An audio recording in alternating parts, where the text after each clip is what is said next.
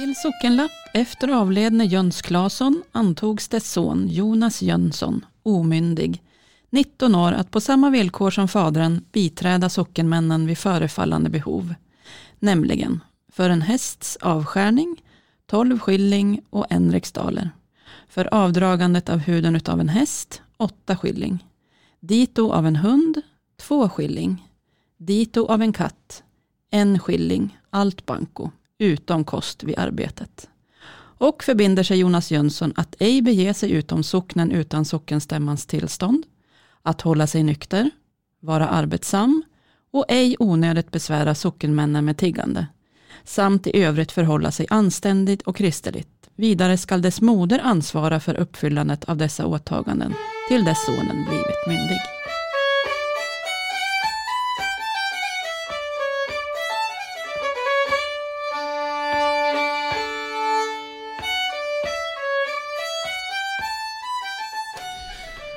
Hej och välkomna till Riksarkivets podd Dokumenten berättar som spelas in precis som vanligt i vår studio här på Riksarkivet i Östersund.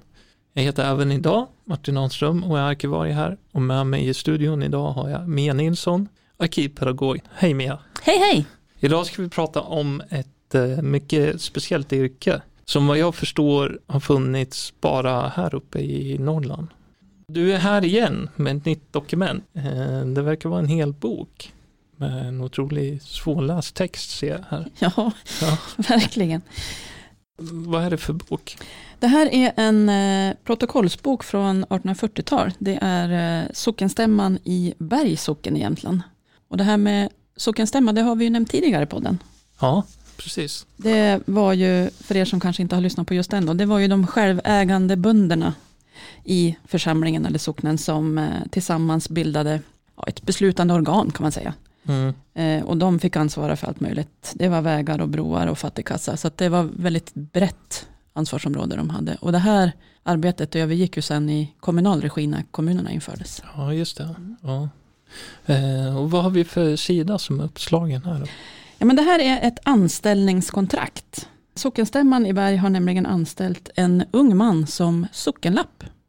Och socknen, eh, de hade ju ofta flera personer anställda.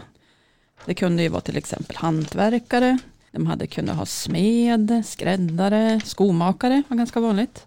Ja. Men eh, senare också så anställde ju socknen skolläraren till exempel och på många håll också barnmorska. ja, just det. Mm. Ja.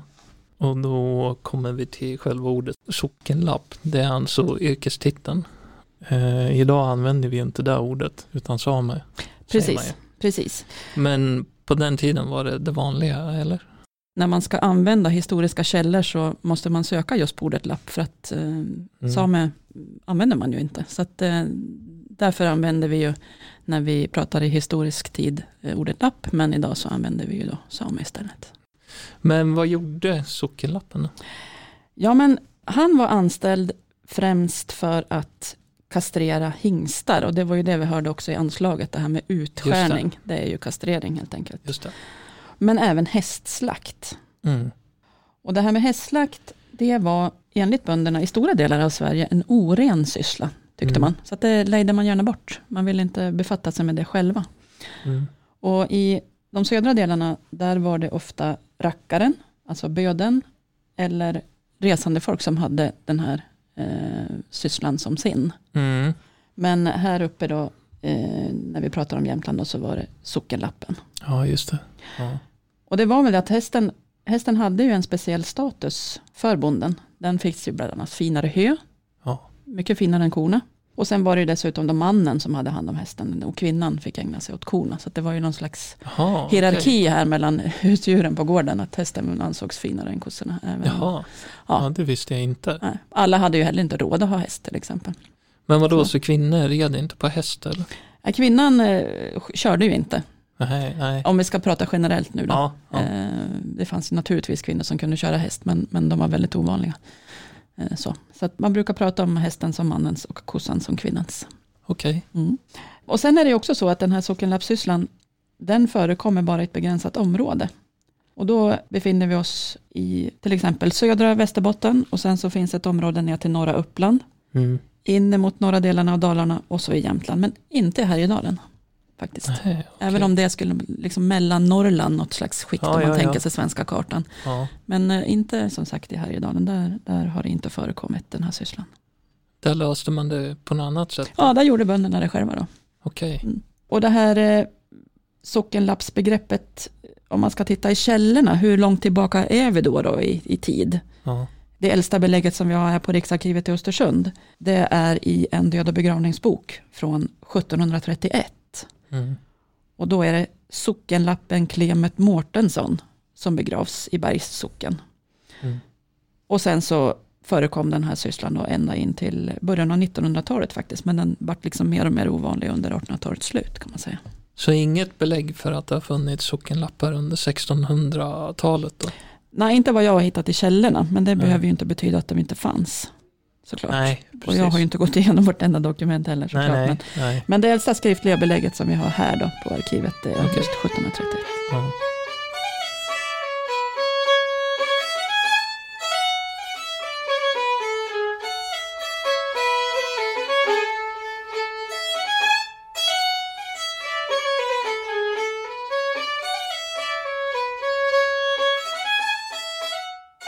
Varför fick ju samer dessa arbetsuppgifter då? Det vet man ju inte riktigt. Det kan, Nej. Men eh, om man då går tillbaka till 1600-talet som du var inne på, så Mm. då var det så att samer levde sida vid sida med bondebefolkningen i skogarna ända ner till just norra Uppland Mm. och förekom även i Dalarna. Mm. Och då försörjde de sig genom att de hade några renar som Mm. de då skötte och sen så sålde de mycket hantverk och bedrev jakt och fiske i de här Mm. områdena.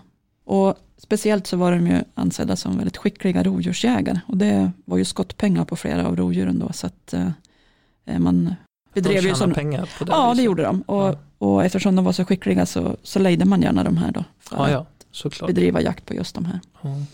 Men sen hjälpte de faktiskt också bönderna med att just slakta hästar. Och sen när vi kommer in på 1700-talet då ville myndigheterna tvångsförflytta samerna tillbaka till fjällen. För man hade någon idé om att det var där de hörde hemma. Så att man såg väl också att eh, skogen och jakten hellre då skulle börja tillhöra bönderna enbart. Okej. Så därför så menar man att samerna då skulle tillbaka mot fjällen.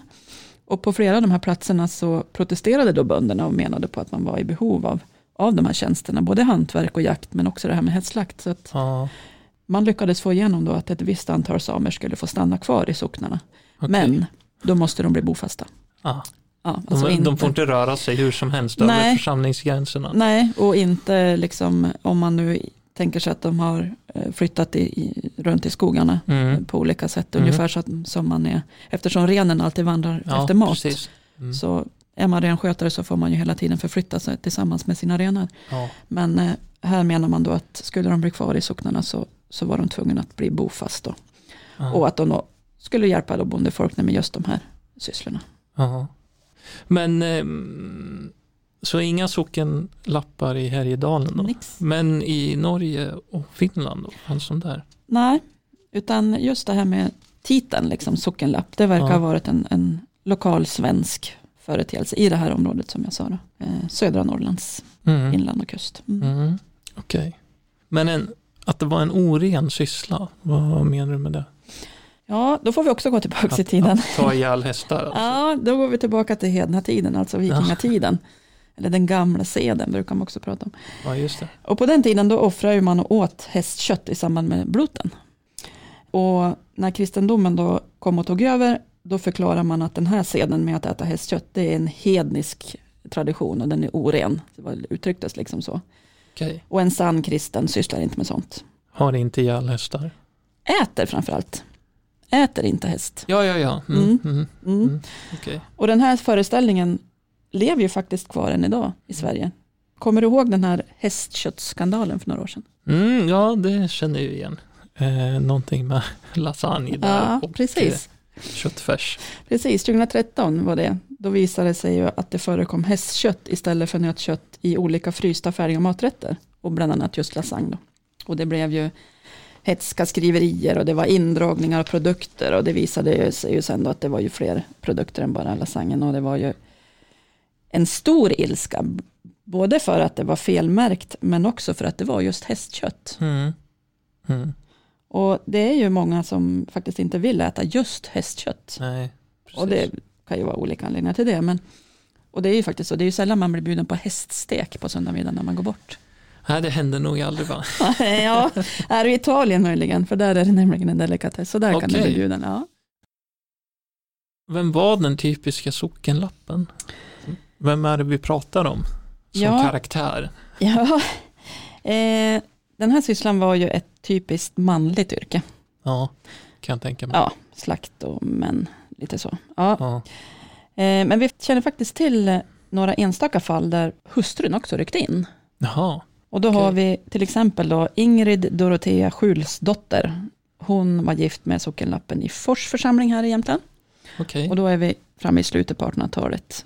Och Ja. Ingrid Dorotea hon var 28 år yngre än sin make Nils Andersson. Oj. Han hade gift om sig när hans första hustru hade avlidit. Och när då Nils i sin tur avled, då fanns inga vuxna söner i familjen. Och då är det så att det finns i källorna uppgifter om att hon då ska ha verkat som sockenlapp under en tid. Hon får ärva titeln eller ärva tjänsten Ja. på något sätt. Och det, det var ganska vanligt att yrket gick i arv inom familjen. Men oftast Mhm. var det då eh, pappan avled och så fanns det kanske någon vuxen son då i familjen som fick ta över. Mm. Eller eh, om det var en yngre person kanske det fanns en bror till honom då som kunde Mm. ta över. Så det, det var ganska vanligt att man ärvde uppdraget. Och den här personen eh, anställdes ju som sagt var av sockenstammen som fattade beslut om de tyckte att de hade behov av den här tjänsten och så kom man överens om vilka sysslor och betalning och så som, Mm. som sockenlappen hade rätt att ta ut då, i samband Mm. med arbetet. Ja. Och Ingrid Dorotea hade säkert varit med och sett hur man gjorde och sådär. Så hon kunde säkert yrket hyfsat. Ja det får man ju anta att hon hade koll på eh, sysslan. Annars hade det kanske inte varit aktuellt.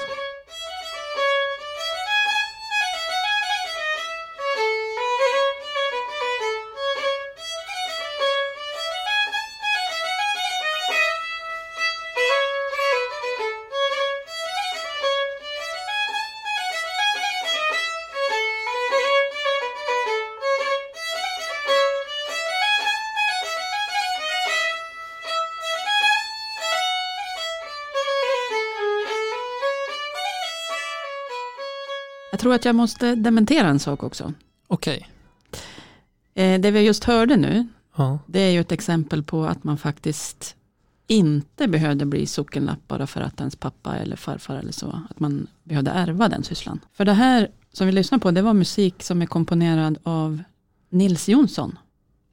Ja. Och det är nog ingen som kanske vet vem han var. Men om jag Nej. säger Lapp-Nils, Ja. då är det fler som eh, vet vem det var. Det var en otroligt känd spelman. Då ringer en klocka någonstans. Ja, och hans farfar var sockenlapp i Aspo socken här i Jämtland. Mm. Och hans pappa också, Nils pappa var i hallen. Och Nils uppmuntrades ju att, eh, eller förväntades väl att han skulle bli sockenlapp också. Men istället så uppmuntrades han av sin mamma att satsa på musiken. Jaha. Okej, Men det är en helt annan historia så den ska Ja. vi inte ta nu. tar vi någon annan gång. Ja. Hur gick det till när man anställde en sockenlapp? Hur gjorde man? Ja, tittar man i, i de här protokollerna, för det finns ju alltså protokoll från olika håll såklart. Ja. De här sockenstämmorna fanns ju i alla socknar. Mm. Och då kan man se att, att man eh, själv har ansökt, man har liksom lämnat in en förfrågan kan man säga att eh, jag finns tillgänglig och jag skulle gärna tjänstgöra Mm. som det här. Eh, Och sen så har man inom sockenstämman och diskuterat och fattat beslut och då finns det ju exempel till exempel från Lit socken där man menar att äh, men det finns ju redan en anställd sockenlapp i Kyrkås Mm. och då kan ju vi som bor här i Lit som är grannsocknen, vi kan ju anlita den personen. Ja, så att, det. eh, nej, det blev nej just den gången. Så att det finns ju exempel på att man anser sig inte ha behov också. Mm. Man kan hitta de här förfrågningarna och besluten som sagt från olika socknar och ett av de mer detaljerade kontrakten då där man verkligen har ställt upp exakt sysslor och, och betalning och så, det är det här som jag har med mig här idag då. Mm. Och då är det ju då Jonas Jönsson heter han ju som får det här arbetet och han bor ju då i Bergssocken. Och han får det här kontraktet då med, med Bergs sockenstämma den 12 december 1841 är det här kontraktet ifrån då. Mm. Och kort innan då så har hans pappa Jöns Claesson då dött. Och då är ju han äldsta son så han får ju ta över det här apropå det här på man ärvde då. Eh, den här sysslan. Nu, nu var det ju så att han, han var ju bara 19 år. Oj, Ja, när det här skrivs. Ja, Apropå vuxen och vuxen. Eh, Ja. För vid den här tiden var man ju inte myndig från 21. nej. Så han är ju alltså inte myndig då, utan eh, det är ju därför då mamma ska se till att han uppfyller kraven. Exakt vad är han får anställning till att göra då i kontraktet här? Ja, men det räknas ju upp ett antal olika sysslor. Eh, och det är ju då det här med utskärning av häst, vilket ju betyder kastrering av hingst. Mm. Och sen så står det ju också, om man då läser till i kontraktet, så står det ju avtagandet av huden utav en häst, åtta skillingar, dito av en hund, två skillingar, dito av en katt, en skilling, allt banko utom kost vid arbetet. Så han ska alltså kastrera hingstar, slakta hästar och ta tillvara huden, men också avliva hundar och katter och ta tillvara skinnen från dem också. Det är det han ska göra. Avliva djuren och, Ja. och flå dem. Precis. Eh, Okej. det, det, det är ju inte riktigt den synen vi har på våra husdjur idag kanske. Att man flår dem när man inte behöver dem längre. Nej, det är ju en helt annan hantering av eh, våra Ja. älsklingar idag, så är det ju. Ja, Men det var ju inte helt okej heller just den här sysslan eftersom man ville leja bort den. ja Även, precis. även om vi, de hade en helt annan syn på, på djuren då än vad vi har idag.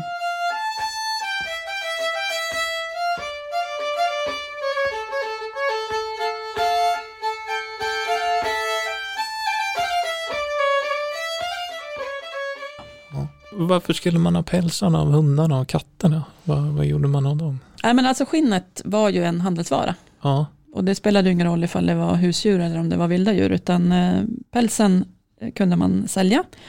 Så det förekom faktiskt på många håll i Jämtland att bönder hade hunduppfödning som extrainkomst. jaha. Mm. Och då var det ju helt enkelt att han eh, tog tillvara vinterpälsen då från hunden för att eh, sälja, eller så kunde han också tillverka hundskinnspälsar av dem. Ja, ja, okej. Och det var ju för att det var ont om varg. Man hade ju skjutit bort all varg så det var svårt att få ta till skinn och till en vargskinnspäls som liksom var det bästa. Just det. Eh, och det näst bästa det blev då en hundskinspäls. Mm. Och det var man gärna cred i när man till exempel då åkte på handelsresor. Då åkte man ju med häst och släde och så skulle man över fjällen till Norge. Mm. För bönderna här i Jämtland åkte ju Mm. eh, över till Röros och Mm. så på marknad. Och då var det skönt med en sån här tjock päls. Så det, var, det var liksom ett ekonomiskt värde i de här. Mm. Ja, det är klart. Hundar klarar ju kyla bra. Ja, absolut. Så att eh, varför inte? Mm. Ja. ja, man såg alltså på husdjuren mer som en resurs än vad man gör idag. Katternas skinn, eh, det kunde ju också bli kläder. Eh, Okej. Men eh, då ganska små skinn så att det var ju snarare foder i handskar. Mm. Mm. Jättemysigt och gosigt med Åh, kattskinn i handskarna. Så att eh, det hade man, men det var ju också känt att kattskinn var bra mot värk. Okej. Så hade man värk i axlarna eller knäna då kunde man liksom lägga det här kattskinnet på stället man hade ont så skulle det liksom bli lite varmt och, och lindra värken. Så det, Okej. det var välkänt. Sen kan man ju säga så här att katten har gjort nytta som råttfångare på gården Mm. och eh, när den blir för gammal för det då får den liksom kila vidare till nästa liv Mm. om man nu tror på den eller Mm. man avlivar den och sen så tar man tillvara skinnet så får den fortsätta göra nytta. Ja. Och så blir den ett par kattskinshandskar istället. ja, man var mer pragmatisk förr. Ja, och man var väl tvungen helt enkelt, Jo. tänker jag. Hur ska man se på Jonas lön för de här sysslorna? Eh, fick han bra betalt eller hur, hur var det? Med dagens mått mätt. Ja, precis. Det är lite svårt att jämföra ekonomi så här Ja. eh, över tid. Men om man tänker så här, många jämnåriga med Jonas, de arbetar ju troligen som dräng, Ja, just det. Ja. eh, unga pojkar. Va? Deras lön var ju oftast mat och boende och sen kanske man också hade något klädesplagg, att man skulle få någon skjorta per år eller så. ja, Det finns ju stadgat sånt här i, i Ja. förordningar från, från kungen. Men så var det i alla fall. Man kan tänka sig liksom mer från hand i mun. Alltså man äter upp sin lön eller man bor sin lön. Så. Ja, precis. Mm, så utifrån det så kan man ju se att Jonas, han tjänar ju bra med pengar. För pengar var ju faktiskt inte så vanligt för den här tiden heller. Om man tänker Nej, 1840-tal. Nej. Eh, Så att visst tjänar han bra. Sen är det en liten skrivning här i kontraktet också som, som finns med. Det står utom kost vid arbetet. Mm. Och det betyder helt enkelt att lejer man in honom så att han ska slakta en häst till exempel, då ska Mm. han också ha mat den dagen i samband med jobbet. Okej, Mm. så man ska ge han mat? Ja, Ja. Precis. Och då kanske han blev mätt just den dagen, vad vet jag.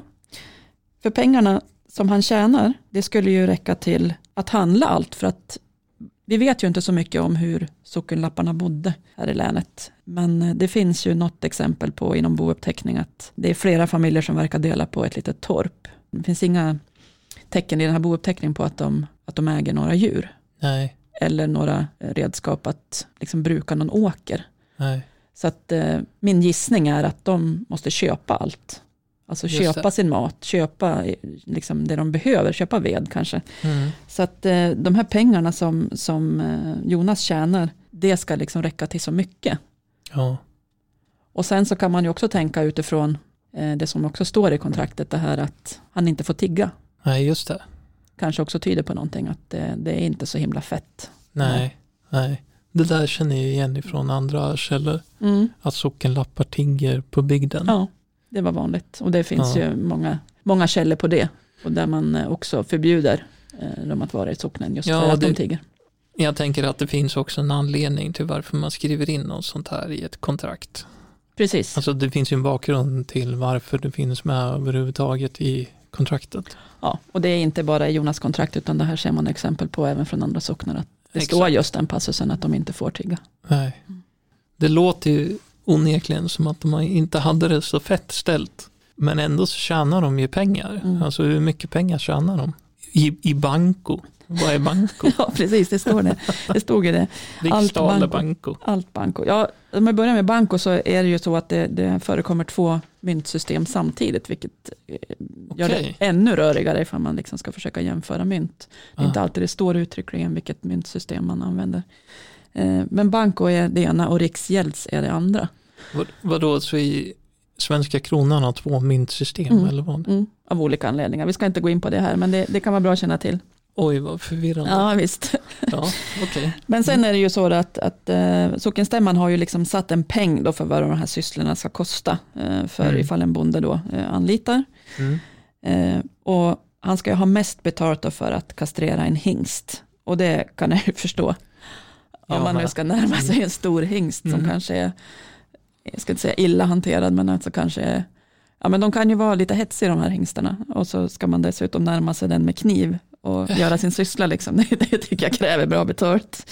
Så en riksdaler 32 skilling, det är ju mycket pengar för den här Ja. tiden. Men det, det kan ju inte ha varit en stabil inkomst det här. Jag menar byarna är ju inte så jättestora. Så. Nej, precis. Hur många hästar fanns egentligen? Och hur många behövde kastreras i en församling varje år? Kan ju inte ha varit många. Nej, precis. Så det, det är klart att den här var väldigt oregelbunden, eh, inkomsten. Mm. Hade man tur och, och bo i en socken där det då kanske fanns hunduppfödare så kunde man ju då faktiskt få en lite större peng. eh, Ja, ifall man då Ja. skulle pälsa de här hundarna, för det skulle man ju göra under senvintern. Mm. Och var det då ett antal hundar så kunde man ju få en slant. Mm. Men eh, annars så, så var det säkert väldigt sällan, alltså någon äldre hund där eller någon, någon kattstackare där och så Ja. någon häst. Alltså det, det är klart att det, det här är ingen regelbunden inkomst. Nej. Nej. Så många av de här sockenlapparna hade ju också bisysslor. Eh, Ja, apropå det. det stod ju att man inte fick tigga, men, men de gjorde ju faktiskt mer hantverk till exempel. Det finns exempel på rotslöjd, borsttillverkning, skosmörja. Mm. Men sen var det också så att många av de här var kända botare. Just det. Eller många ska Mm. säga, men det, vi känner till flera exempel i alla fall. Mm. Och det här med botare, det har vi pratat om i podden om lapp, Gunnil. Mm. Och bland annat så Jonas kusin, som hette Maria, men som kallades allmänt för Lapp-Maria. Hon var Okej. just en sån här känd boterska som var anlitad runt om i socknen. Och nu pratar vi om en mycket senare tid, alltså nu är vi inne på 1840-tal, så att nu var det ju ingen risk att inte- man skulle bli anklagad för häxa. Nej, det är inte Nej. 1600-tal Nej. längre.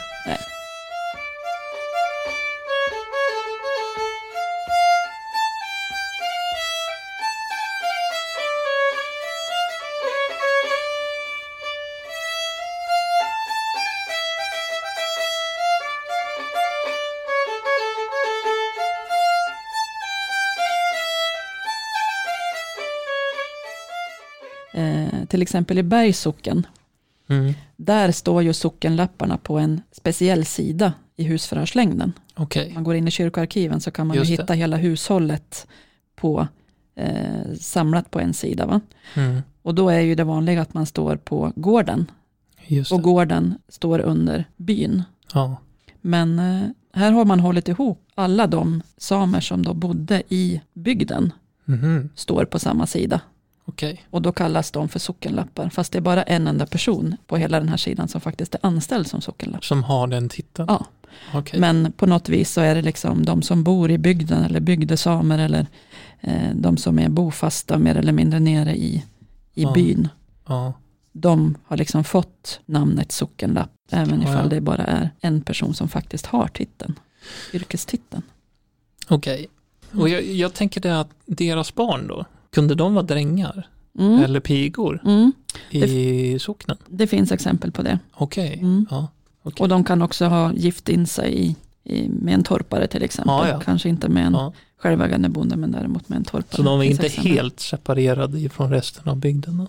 Nej, eh, vi ska komma in på det lite senare. Okej. Mm. Men hur synen var. det. Men, men vi kan spara den lilla diskussionen.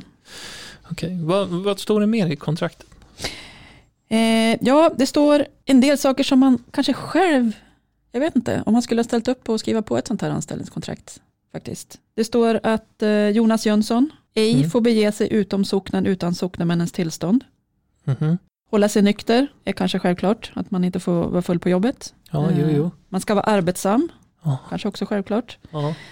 Ej onödigtvis besvära sockenmännen med tiggande. Det har vi Okej. varit inne på. Samt i övrigt förhålla sig anständig och kristelig. Och sen vidare så ska dess moder ansvara för uppfyllandet av åtaganden till dess sonen blivit myndig. Det var ju ja, just det. Det gäller i Jonas fall. det är just. Jonas fall bara. Ja. Mm. Men det här att han inte får lämna socknen och inte tigga. Det är ju inte så ofta man ser det kanske i ett anställningskontrakt.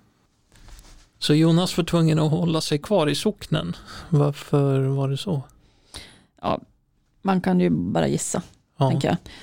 Eh, att bege sig utanför, eh, det var vanligt bland samerna i socknen. Man kan se i husförhörslängden till exempel, där är det många, om man tittar just på den här sidan då med, med där sockenlapparna är antecknade, Mm. att flera har anteckningen då i anmärkningsfältet att de vistas ej i socknen för närvarande kan det stå. Okej. Så att, eh, att de eh, rörde sig över ett större område, det, det vet vi. Ja.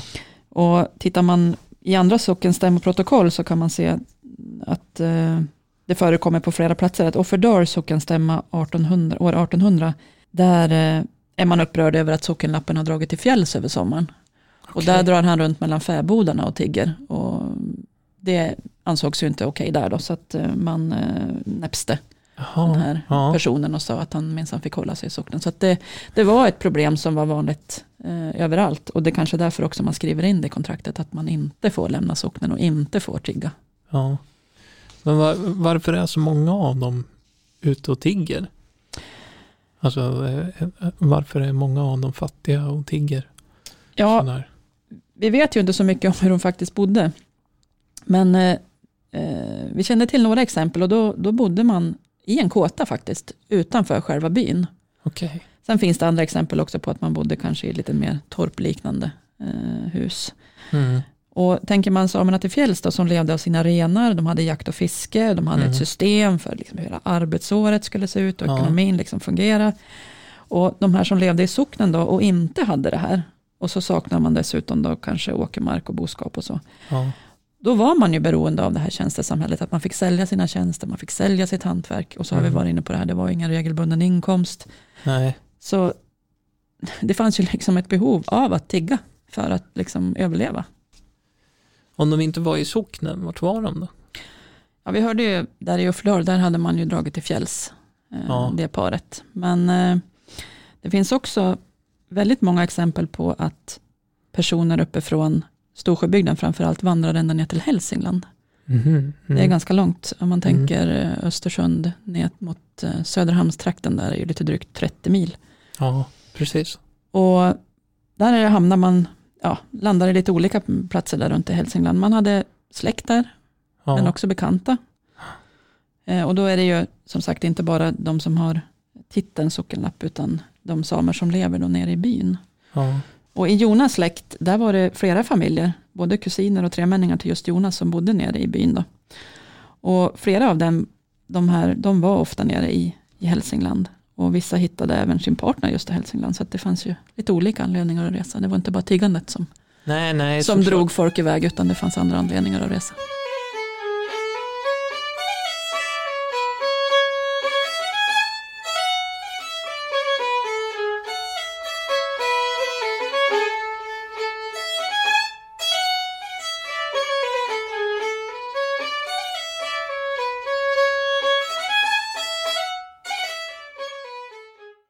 Och sen är prästerna, de, har ju, de var ju alltså ansvariga för folkbokföring vid den här tiden. Det är ju därför vi har de här kyrkoarkiven idag som vi kan släktforska i.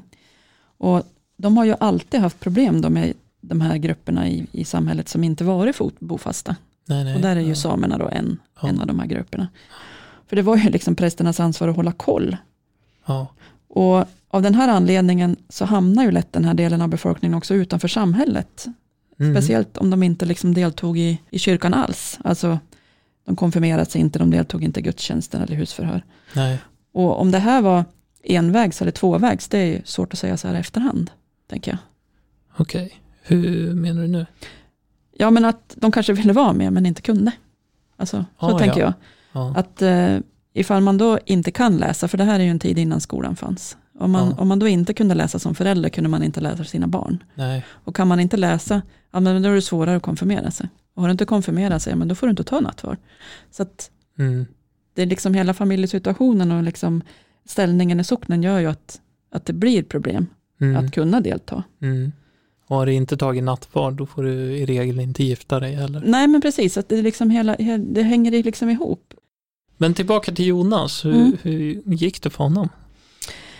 Ja, det är ju svårt att säga hur, hur livet liksom levdes för honom. Men eh, man kan ju tyvärr se att han har lite svårt att hålla sig nykter. Så det kan ju vara så att eh, man var lite proaktiv där och skrev in i det här kontraktet att han skulle hålla sig nykter. Okej. Ja. Eh, det ser man också i de här husförhörslängderna att han är känd för fylleri. Att Aha. han dricker Ja. för lite för mycket. Och det här är ju en, en tid innan IOGT och nykterhetsarbetet kommit igång och det konsumerades ju enorma mängder brännvin. Så det är klart, Ja. han var ju inte ensam om det här. Men, men eh, tyvärr då att han är, är känd för fylleri då. Han kanske redan var igång med det här redan innan han var 19. Kan ha varit det, Mm. det vet vi ju inte då. Nej. Men sen så, så dör han väldigt ung tyvärr, han blir bara 32 år. Oj, ja. Ehm, ja, och vad tror vi då? Eller vad tror du om de övriga i socknen och deras syn på sockenlappen? Det var ju lite beroende säkert på vem var det som var sockenlapp och liksom vilken ställning hade den i socknen, var den liksom väl ansedd Mm. eller inte? Mm. Eh, Skötte den jobbet eller inte? Alltså, Ja, ja, ja. lite olika. Men det finns ju eh, uppteckningar som säger att sockenlapp var det värsta skällsord man kunde använda om en person. Ah, Det var den synen okej. då. Medan andra säger att, att sockenlappens barn gick i skola bland alla övriga och var precis lika söta och fina som de andra barnen. Man gjorde ingen skillnad på dem. Så att, eh, det var nog lite avhängigt som sagt. Vart Ja. man var, vilken tid man är och vem som innehade den här. Exakt sysslan. vad jag tänkte. De har ju funnits under lång tid Mm. så att det kan ju variera Absolut. såklart. Men sen var det också så att de här samiska mm, ungdomarna som konfirmerade sig till exempel då, för det, Ja. det förekom ju, de fick gå längst bak. De fick liksom inte Läng, bland- längst bak, vart då? i, i den här raden av konfirmander som skulle liksom komma Ah, ja, in och så fick stå längst bak. Ja. Mm. I kyrkan, eh, där hade man ju något som heter bänkdelning där man liksom skulle, vilken kyrkbänk man fick sitta på, då var det ju finare Mm. ju längre fram i kyrkan man fick sitta, men samerna hade alltid bänken längst bak. Mhm. Mm. Så att, eh, det är klart att det var ju inte helt enkelt att vara same bland bondebefolkningen. Om man liksom tittar på de här exemplen då. Och jag kan också tänka att det fanns en viss misstänksamhet från vissa gentemot Mm. samerna. Apropå det här med att man trodde att de var trollkunniga och man gjorde dem arga kunde de sätta sjukdom på en. Det är ju liksom ett arv som finns kvar från äldre tid. Just det. Som lever kvar till viss del tror jag. Men Ja. eh, det är klart, Lapp-Maria här som var väl anlitad som boterska, hon var ju rörde sig ju smidigt i socknen och många kände till henne och liksom anlitade henne. Så det Mm. var säkert Mm. ganska olika. Så sockenlappen var alltså ett yrke där man sattes i en ganska problematisk sits. eh, Med tanke på vilka sysslor man behövde göra. Och så hamnade man ändå i utanförskap i socknen. Men det försvann till slut då. Varför, varför gjorde det då? Ja, det spelade ju liksom ut sin roll till sist. Eh, hundskinnspälsar blev omoderna och så började man skicka djuren till slakterier istället. Så det var ju en modern Okej. tid med modern hantering av, Mm, av det hela. Och då är vi ju inne då i slutet på 1800-talet, början på 1900. Just det. Och den sista sockenlappen som finns i Bergssocken, han hette Mårten Jönsson Hell. Och han var faktiskt ingift i samma släkt som Jonas Jönsson tillhörde. Men då är vi inne på 1910-tal. Och med honom då så tar det slut i, Mm. i Bergssocken. Mm. I normala fall så brukar vi tipsa folk om vart de kan titta på de här eh, handlingarna. Mm. Om man, vill, om man har någon i sin släkt som har varit sockenlapp, Mm. vart ska man gå för att hitta informationen om den personen? Eh, Riksarkivet har ju eh, digitiserat en hel del av sina kyrkoarkiv. Okej, Så att eh, digitala forskarsalen, där finns en hel del. Och då går man till den församling man är intresserad av och så letar man rätt på socken, stäm och protokoll. Just det. Och där kan man hitta en hel del spännande. Det, som sagt, handstilen varierar, kan vara Ja. lite svårläst emellanåt. Ja, ja. Mm. Eh, sen är det också så att för vissa av Jämtlands socknar så finns de här protokollen avskrivna. Mm. Eller transkriberade som det heter. Och då Mm. ligger de på Fornskriftsällskapets i Jämtlands läns hemsida. Fornskrift.se. Så där kan man Just det. hitta några. Och där är det ju en betydligt bättre text att läsa. Även om kanske vissa meningar är ju en hel sida och sådär. Så att det är ju fortfarande kanske lite svårt att förstå innehållet ibland. Men eh, lite lättare att läsa. Tack så mycket Mia. Tack själv, kul att vara här. och pratade om sockenlappen. Eh, ja, vi hörs väl så småningom snart igen. Tack och hej. Hej hej.